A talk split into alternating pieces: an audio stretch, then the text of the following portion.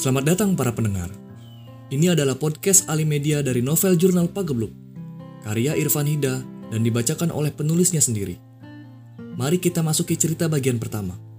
Berjudul Bukan Pilihan Tapi Keharusan.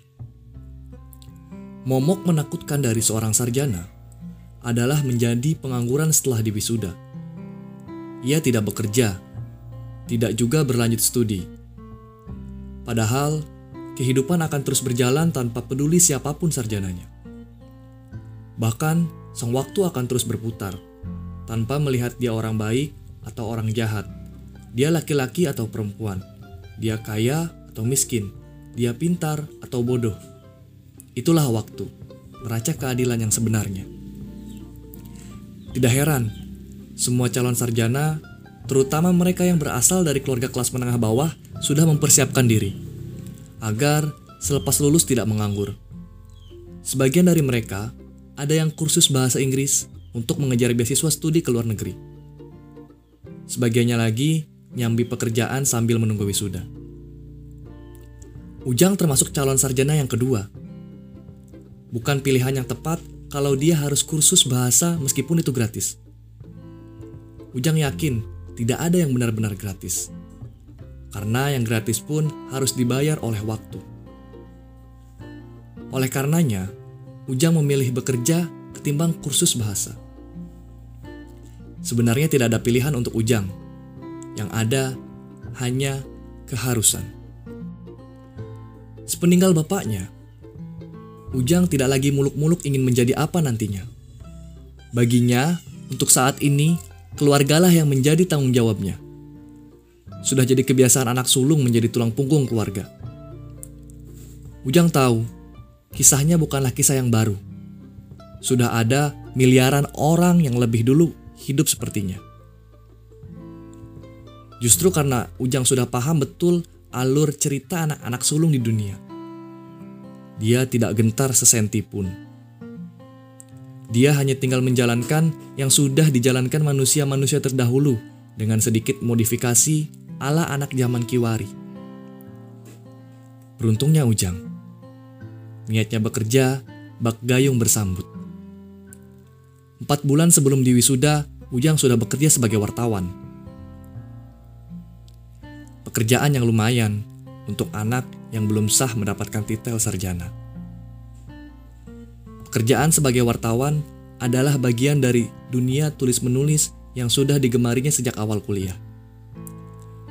Pekerjaan yang tak sulit didapatkannya ini memberi angin segar untuk kehidupan Ujang setelah jadi sarjana.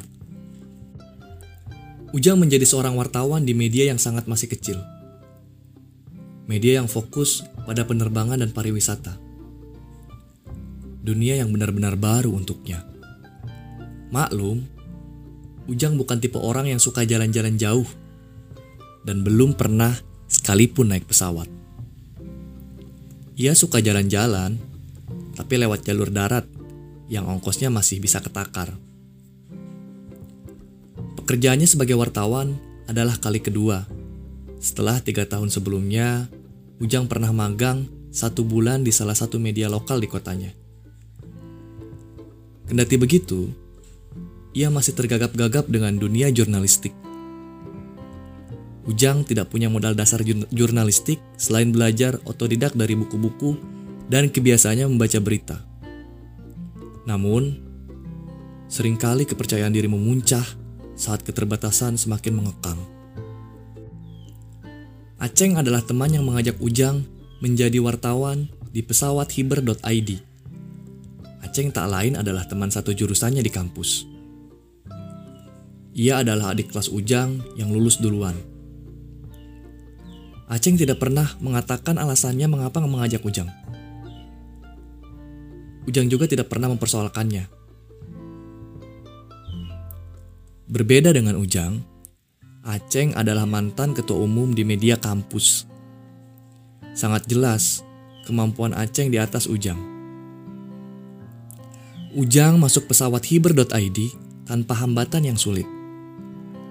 Seminggu setelah ia mendaftarkan diri lewat email, pihak perusahaan menelpon Ujang untuk mengikuti tes tulis dan wawancara.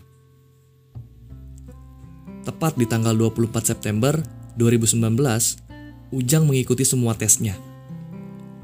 Ia bisa melewati semuanya dengan mudah. Seminggu kemudian, 1 Oktober 2019, Ujang diterima kerja menjadi wartawan di, di perusahaan ini. Gimana Jang? Lo diterima? Iya nih, besok gue udah masuk kerja. Syukurlah kalau gitu. Oh iya, Ceng. Lu tolong jelasin dong gimana caranya kerja di sini. Lu ikutin dulu aja yang diperintahin.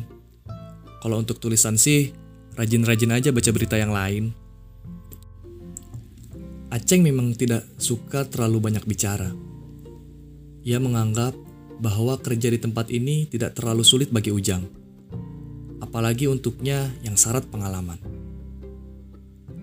Di hari pertama kerja, Ujang hanya berdiam di kantor. Ia duduk di hadapan komputer. Pesawat hiber.id bukan media besar, apalagi masyhur. Kantornya saja hanya ruko tiga lantai. Itu pun hanya lantai dua yang digunakan. Karena lantai satu dan tiga milik perusahaan lain yang masih satu induk dengan pesawat hiber.id. Jumlah karyawannya pun tidak banyak. Ujang diberitahu hanya ada 10 orang yang bekerja. Yang tak habis pikir, hanya ada dua orang wartawan, yaitu Ujang dan Aceng, yang sama-sama karyawan baru. Aceng memang masuk sebulan sebelumnya, tapi tetap, tetap saja dia masih anak baru. Jang, kamu transkrip rekaman ini ya. Kalau sudah, nanti kirim ke email saya. Baik pak, silakan ditunggu. Pekerjaan pertama dari Pak Joko adalah mengubah rekaman wawancara menjadi percakapan berupa tulisan atau transkripsi. Sebagai anak baru, Ujang tidak banyak tanya, apalagi menolak perintah atasannya. Ia menyelesaikan pekerjaannya dengan cepat karena transkripsi rekaman sudah menjadi kerjaan sampingannya tempo hari. Sambil mengetik, sesekali mata Ujang mengamati ruangan kantor yang berukuran 7 kali 3 meter persegi. Ia melihat karyawan lainnya malah asik memainkan ponselnya. Ada yang tertawa kecil, ada yang serius, ada juga yang terkantuk-kantuk. Sebenarnya, Ujang tidak terlalu peduli. Lagi pula, kenal dekat saja belum. Tapi, pikirannya tidak bisa dipaksa mengerti. Banyak pertanyaan yang berenang di kepalanya. Sejak hari pertama bekerja, Ujang sudah merasakan ada yang tidak beres dengan perusahaan ini. Namun apa apa boleh buat? Semuanya harus dijalani dengan pelan-pelan. Ujang tahu, terlalu cepat mengambil kesimpulan di hari pertama ia bekerja. Itu tidak baik. Ia menahan semua pertanyaannya yang muncul di kepala. Jang, ayolah pulang udah sore nih. Oh iya bang, saya beresin kerjaan dulu ya dikit lagi. Ujang pun segera berbenah dan pertanyaan-pertanyaan dibawanya pulang ke kos-kosannya. Terima kasih sudah mendengarkan podcast Jurnal Pagebluk. Nantikan cerita selanjutnya.